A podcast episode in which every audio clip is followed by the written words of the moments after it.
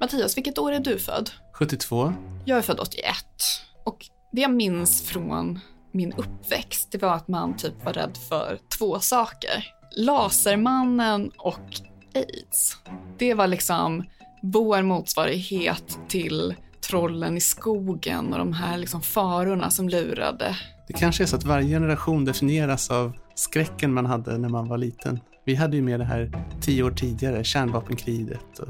Och du minns inte liksom någon sorts aids-skräck? Jo då, det gör jag. Fast jag tyckte bara att det var så här pinsamt att det pratades så mycket om det här. För det hade med sex att göra, det hade med homosexualitet och droger att göra. Och allt det där när man är liksom 11 år och sitter på bussen och plötsligt ser så här någon reklam för att det är viktigt att använda preventivmedel. Alltså det blev ju väldigt konstigt. Välkommen in i riskzonen. Jag heter Emma Frans och är epidemiolog. Jag heter Mattias Öberg och är toxikolog. Vi är båda verksamma som forskare vid Karolinska institutet. Och I den här podden så undersöker vi risker, livets oförutsägbarhet och hur vi hanterar alla de faror som omger oss. I dagens avsnitt kommer vi att prata om en pågående epidemi som har satt skräck i många människor, stigmatiserat olika grupper och till och med fått världsledare att orsaka ett stort antal människors död. Och så kommer jag lite senare i avsnittet prata med Svenska Dagbladets chefredaktör Anna Kareborg om hur man som nyhetsmedia tänker runt att publicera falska påståenden från världsledare.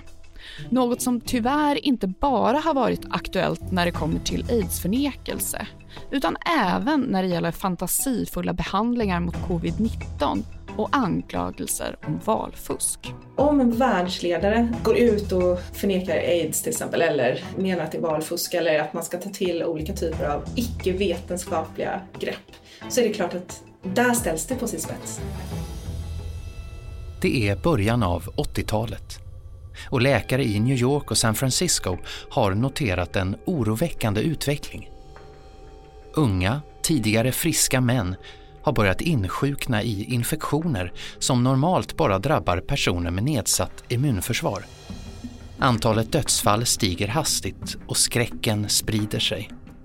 På Center of Disease Control, CDC, den amerikanska hälsovårdsmyndigheten, diskuteras oroligt de märkliga dödsfallen och 1981 slår man larm. Världen står inför en ny epidemi med hög dödlighet. Mystisk ny cancer drabbar bara homosexuella. Livshotande homosexsjuka. Epidemi i USA. 300 döda i okänd sjukdom. Larmrapport från USA. Homosexuella dör i infektioner. Tidigt kan man urskilja tydliga mönster i vilka personer som drabbas av den mystiska sjukdomen. Homosexuella män, heroinister, personer som lider av blödarsjukan hemofili och haitier. Därför kallas tillståndet initialt 4H, uppkallat efter de som tycks drabbas. Men år 1982 får tillståndet namnet AIDS, en förkortning av Acquired Immunodeficiency Syndrome, på svenska förvärvat immunbristsyndrom. Skräcken växer bland människor och personer från de drabbade grupperna stigmatiseras. Forskare över hela världen letar febrilt efter orsaken till tillståndet. Svenska Dagbladet 3 februari 1982. Många homosexuellas missbruk av nitrit i form av sniffning av så kallade poppers för att öka orgasmen har även misstänkts ha ett samband med sjukdomarna. Svenska Dagbladet 1 september 1982. Ny parasitsjukdom bland homosexuella. Dagens Nyheter 15 december 1982. Nu senast är det barn som smittats. Flera av de smittade barnen tycks ha drabbats via blodtransfusioner. En fransk forskargrupp, ledd av Luc Montagnier, är först med att isolera ett retrovirus från en 33-årig aids-patient. Resultaten publiceras 1983 och viruset kallas då LIV. Följande år publicerar amerikanske Robert Gallis forskargrupp resultaten från sitt arbete där de isolerat ett virus från ett flertal personer med aids eller förstadiet till aids. Gallo väljer att kalla viruset HTLV-3. Efter år av dispyter enas forskarna till slut om att kalla viruset hiv. Humant immunbristsvirus. År 1988 visar en utredning från USAs National Academy of Science att det finns tillräckligt med vetenskapliga belägg för att slå fast att hiv orsakar aids. Och 2008 belönas Montagnier med Nobelpriset i medicin för sin upptäckt. Idag vet vi att hiv är ett retrovirus som bryter ner T-celler som är viktiga för kroppens immunförsvar. Aids är ett sjukdomstillstånd som inträffar när immunförsvaret är försvagat av en hiv-infektion, vilket gör att kroppen blir känslig för så kallade opportunistiska infektioner. Vi vet också att viruset smittar via sexuell kontakt, från mamma till barn och vid blodtransfusioner eller när injektionsmissbrukare delar nålar. Men det fanns länge alternativa teorier till vad aids var och hur det uppstod. 1984 publicerade psykiatrikern Casper G. Smith en artikel i tidskriften Journal of Psychohistory där han föreslog att aids egentligen var en epidemisk hysteri och att sociala konflikter låg till grund för hysterin. Tio år senare dog Smith i just aids. 1987 publicerade den tysk-amerikanske molekylärbiologen Peter Duesberg en artikel i tidskriften Cancer Research där han redogjorde för sin hypotes om att aids orsakas av långvarigt narkotikabruk och antivirala mediciner medan hiv är ett ofarligt virus. Den här hypotesen har haft en avgörande roll för aidsförnekelsen.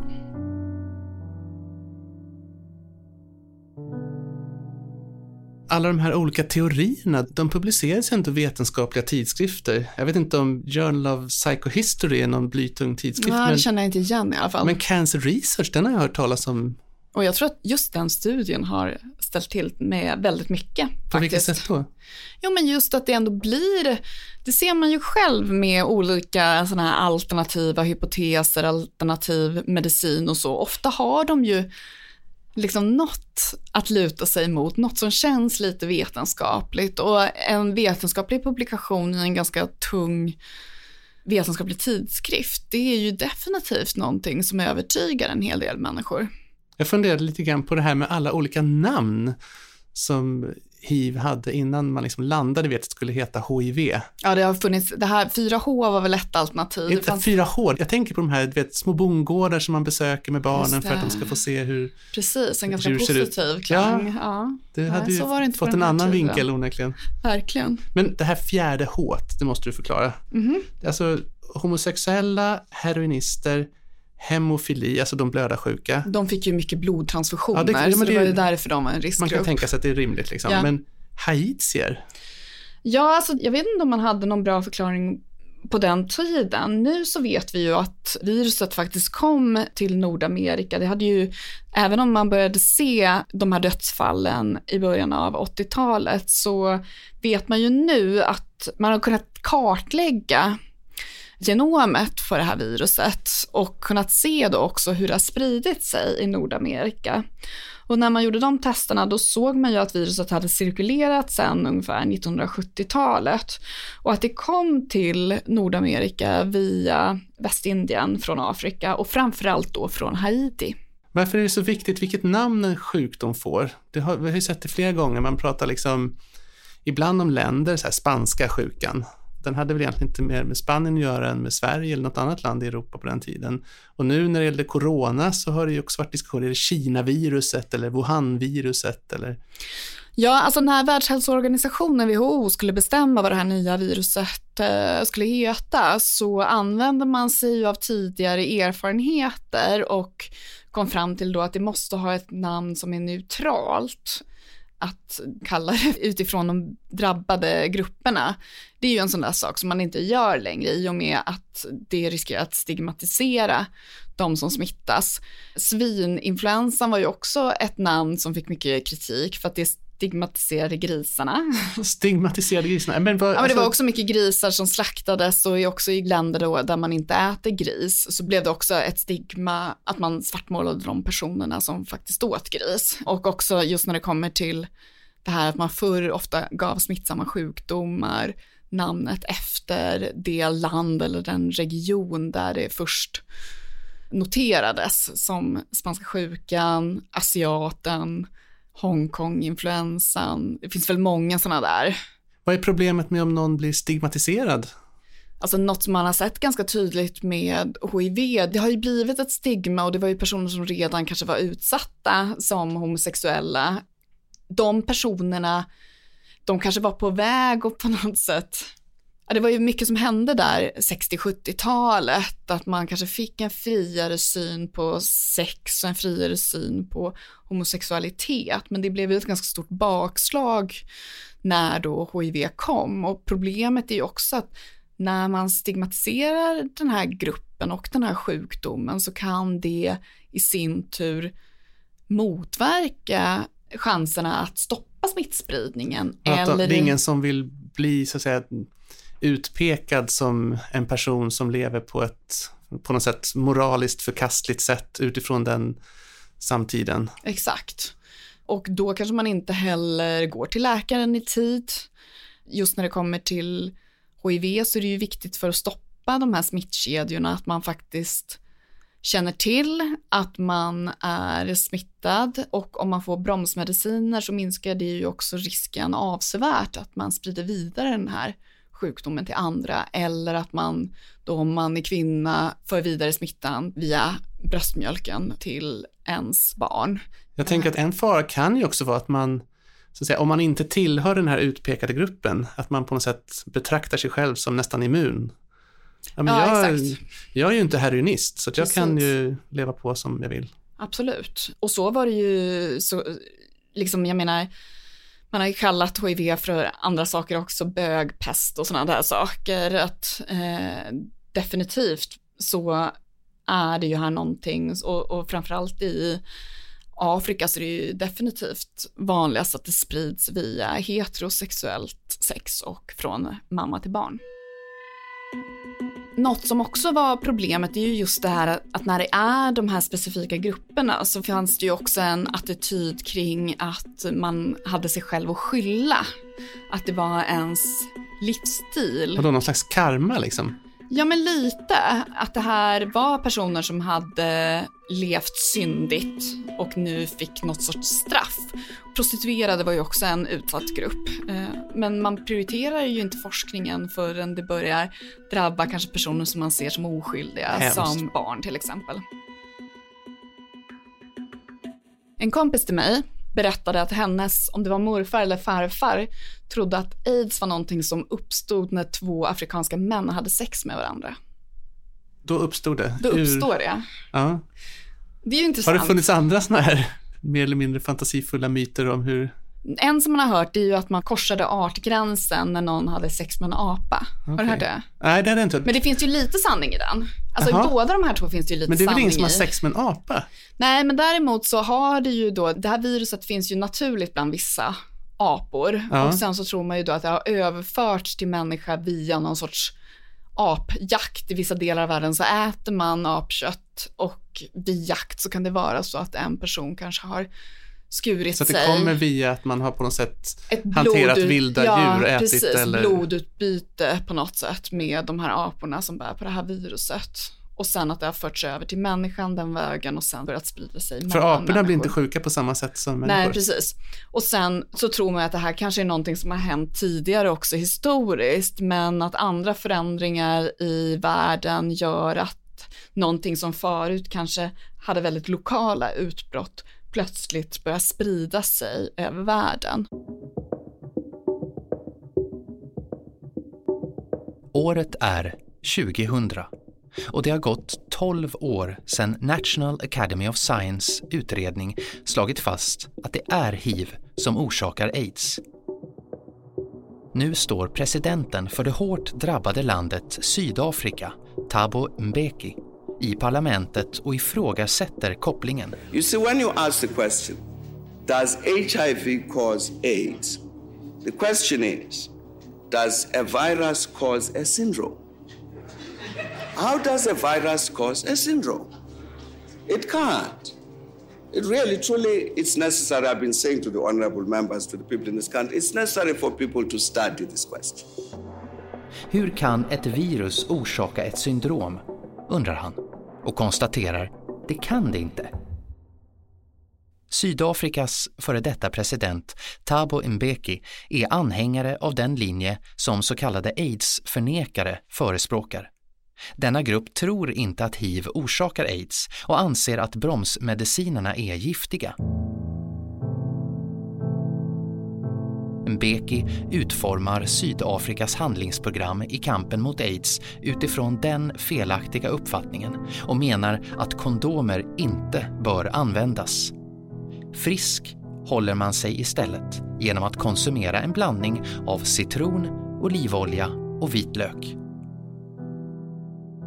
Handlingsprogrammet som Mbeki utformar gäller ända fram till 2004 och anses ha haft oerhört negativa konsekvenser för den sydafrikanska befolkningen.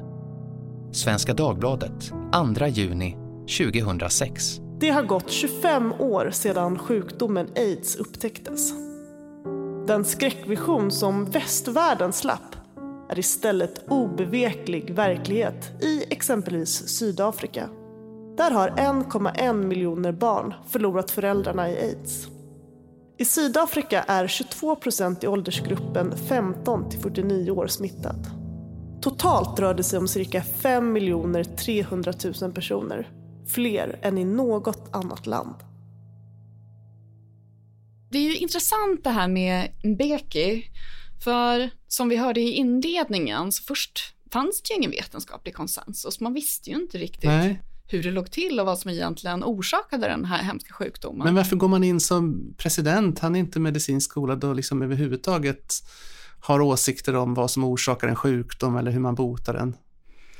Alltså jag tror ju att det var en hel del Alltså landet Sydafrika var ju väldigt speciellt under den här tiden och traumatiserat också efter apartheid. Man hade ju liksom ett arv av en apartheidregim som hade behandlat landets invånare på ett väldigt märkligt och rasistiskt sätt. Och så kom då, vad ska man säga, vita västerländska forskare och sa åt människor i Afrika att de var liksom promiskuösa och att det var därför det spreds.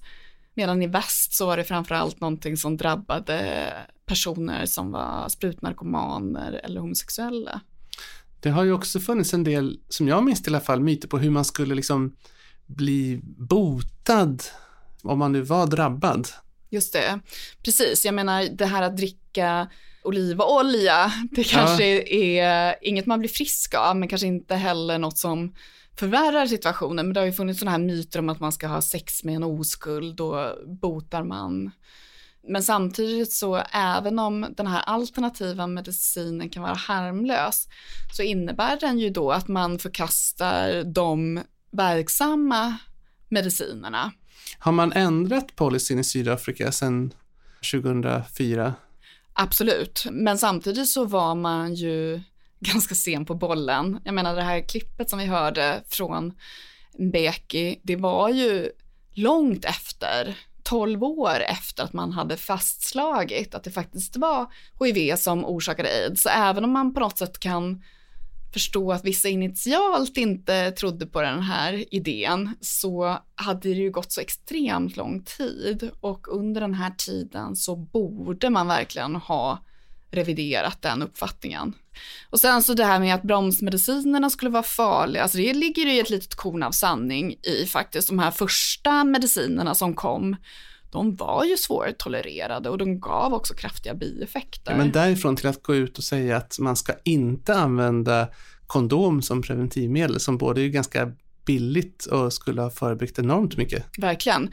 Men där handlar det nog om att man tänkte att den här idén om att det var sexuellt överförbart, att det var baserat på rasism och att man hade fördomar om afrikaners sexualitet, att de var väldigt promiskuösa och så. Och sen så var ju det här med förtroendet återigen är ju väldigt viktigt att man har förtroende för forskare och de som representerar vetenskapen.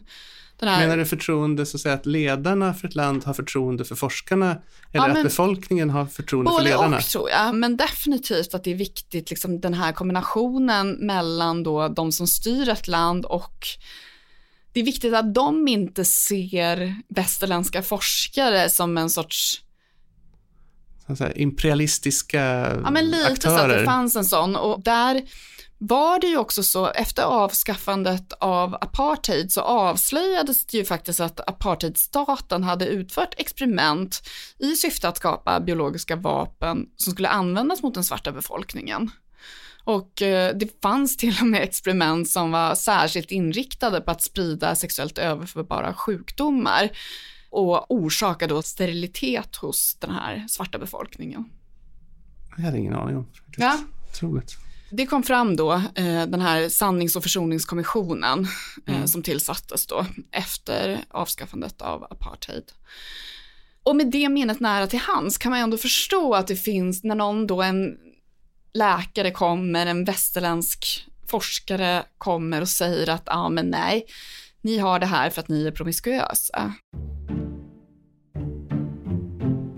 Alltså jag minns den här filmen som heter Kids, ja. som blev jättepopulär och den filmen gjorde en ju liksom livrädd. Jag tror att den sköt upp min sexualdebut något år eller två. För där fick man ju verkligen den här känslan av att hade man sex då spreds det vidare och så hade de personerna sex och så till slut så var alla hiv-positiva. Fast jag minns att folk, en del var så rädda så att de vågade inte gå på en allmän toalett. Man visste ju inte vem som hade suttit på den tidigare. Just om det, det, kunde på något sätt smitta via liksom, att någon hade nuddat en yta. Jag kommer ihåg någon sån här vandringssägen som gick omkring där någon haft one night stand ja. och när den personen då vaknade på morgonen och så var den där personen borta och så hade någon skrivit med läppstift på badrumsspegeln Välkommen till hiv-klubben. Från början var ju läget lite oklart kring aids och hiv, men det stora misstaget som Mbeki gjorde, det var ju att han bestämde sig först för någonting som sen visade sig inte stämma och då reviderade han inte sin uppfattning. Och det här är ju liksom en fälla som jag tror att vi alla kan hamna i. Ja. Att vi på något sätt investerar väldigt mycket i en viss idé. Kan det vara så att om en fråga blir så att säga, politiskt laddad, då polariserar den ut sig efter andra saker än medicinska fakta? Om, det, om, ja, om den stora berättelsen är liksom vita mot svarta, ja men då stoppar man in den här sjukdomen i det mönstret. Ja. Så tror jag att det var i stor utsträckning och också då att när man har investerat väldigt mycket i en uppfattning och kanske i offentliga sammanhang uttalat det, då blir det så otroligt svårt att ändra uppfattning om man kanske gör allt som står i ens makt att på något sätt bortförklara de här vetenskapliga beläggen som tillkommer som motbevisar den. Det är lite lättare kanske också om ett land har en väldigt om presidenten har väldigt mycket makt och kan så att säga vara den som för talan och talar om vad som är sant Precis, jag menar det finns ju dels det här att vi har en tendens att tro på auktoriteter, den här personen också är ju väldigt synlig, har strålkastarljuset och kamerorna riktade mot sig hela tiden. Så det blir ju extremt problematiskt när en sån person säger mm. felaktigheter och också när man faktiskt utvecklar folkhälsoprogram mm. utifrån felaktiga uppfattningar. Var det några som kunde vända det här? Vilka aktörer var viktiga där? Att, hur får man den tilliten då, om man inte kan använda sig av inresta forskare från Europa och USA till exempel. Har man talespersoner då som kan ta den här rollen och kliva fram? Ja, det tror jag är jätteviktigt och det har ju varit särskilda minoritetsgrupper i Sverige till exempel med covid-19 som har blivit hårt drabbade av covid-19 och då har man ju tyckt att det är viktigt och också vissa religiösa grupper, då är det ju viktigt att jobba genom religiösa ledare till exempel. Folk Även- som redan har förtroende inom gruppen. Exakt, precis. Och det är mycket så man jobbar i många länder, att det är viktigt att man faktiskt går till de människor som har folkets förtroende och jobbar genom dem när man ska göra folkhälsoarbete. Och samma sak med ebola i de länderna, det har man ju på något sätt, man måste ju på något sätt förtjäna folkets förtroende. Så har man utsatt sin befolkning för hemska saker eller om korruptionen är omfattande, då blir det ju på något sätt rationellt för människor att misstänkliggöra. Och eh, även som sagt var, nu när man skulle försöka stoppa ebola, där fanns det ju också motstånd till att vaccinera sig och man trodde att det här var farligt och det var någonting som verkligen bromsade in det här arbetet med att stoppa epidemin. Och det här är ju inte bara något som hör till historien. Ett ännu mer samtida exempel är ju nu under coronakrisen när vi har sett Trump freestyla lösningar på hur man skulle kunna bota covid. President Trump står i talarstolen under Vita husets dagliga pressträff angående coronaläget. I would like you to speak to the medical doctors to see if there's any way that you can apply light and heat to cure, whether it's ultraviolet or just very powerful light. And then I said, supposing you brought the light inside the body, which you can do either through the skin or in some other way. And I think you said you're going to test that too. Sounds interesting. Plötsligt börjar presidenten spekulera i metoder för att behandla patienter som insjuknat i covid-19. Right, and then I see the disinfectant where it knocks it out in a minute, one minute. And is there a way we can do something like that uh, by injection inside or almost a cleaning? Because you see, it gets on the lungs and it does a tremendous number of the lungs. So it'd be interesting to check that. So that you're going to have to use medical doctors with. But it sounds it sounds interesting to me. Han föreslår injicering av desinfektionsmedel och att exponera insidan av kroppen med UV-ljus. Presidentens uttalanden väcker skarp kritik från experter. Att dricka blekmedel dödar. Att injicera blekmedel dödar snabbare. Gör inget av det. Det är en vanlig metod människor tar till när de vill ta sina liv. Sluta sen dessa coronavirusuppdateringar. De utgör en livsfara. I New York rapporteras en topp i antalet personer som exponerats för desinfektionsmedel timmarna efter Trumps uttalande. Senare backar Trump från sina uttalanden och hävdar att han var sarkastisk när han gjorde dem. Trump gör fler märkliga påståenden under sina pressträffar. Några veckor efter sina uttalanden om desinfektionsmedel berättar han att han tar malariamedicinen hydroxyklorokin för att förebygga covid-19. Problemet är dock att medicinen inte är godkänd för att behandla tillståndet och kan ge allvarlig hjärtpåverkan. Mattias, visst låter det här lite knäppt, det Trump säger? Att injicera rengöringsmedel, ja. Det stämmer ju att rengöringsmedel kan döda virus på så här, du ska tvätta ytor. Vi gör ju det ofta på labb till exempel. Sprit är ju en väldigt bra sätt, liksom man Toppen. spritar händerna och sådär. Ja. Men det betyder kanske inte att man ska liksom injicera det i lungorna det såklart. är livsfarligt. Nu har vi ett väldigt stort eh, USA-fokus. Men det är ju faktiskt inte bara Trump som sprider sån här desinformation, utan det sker ju lite överallt och även från andra världsledare faktiskt. Ja, exempel. Nej men Lukasjenko, Vitrysslands president eller kanske diktator, vissa skulle kalla honom. Han har ju sagt det att eh, man ska inte bry sig så mycket om det här utan så länge man dricker vodka och bastar så klarar man sig fint. Fantastiskt. Madagaskars president har förespråkat en dryck, örtläkemedel för att eh, behandla covid-19. Och Som finns på Madagaskar då eller? det finns och Världshälsoorganisationen har då kritiserat det här. Så det finns inga vetenskapliga stöd för att det här Men även om vi inte har kanske några världsledare som har varit ute på banan på det sättet så, jag menar, vi har ju våra egna ledare, influencers som föreslår fiskolja och Just det, Katrin Zytomierska vet jag, hon Ja. marknadsför någon omega-3-olja och skrev då att det är extra bra i covid-19-tider att boosta sitt immunförsvar. Ja, men jag läste, jag har lite samarbete med Centralamerika, där var det några som propagerade för man skulle, bananer var väldigt bra för att boosta immunförsvaret. Ja, och vitlök har jag hört.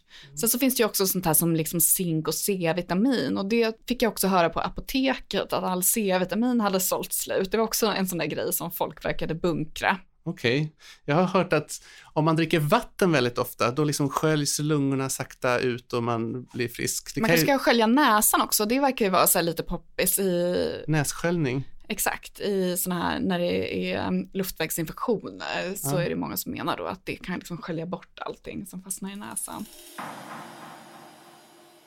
Man undrar lite grann hur det känns att stå som journalist och liksom, ja, du får det här budskapet, vad ska du rapportera vidare? Ska du bara stänga av kameran och säga att nej men det kom inte fram något vettigt från dagens presskonferens, så Nej, att men tyvärr har jag inget att precis. rapportera. Eller ska du sprida den här myterna eller Just det pratade jag faktiskt med Svenska Dagbladets chefredaktör Anna Kareborg om.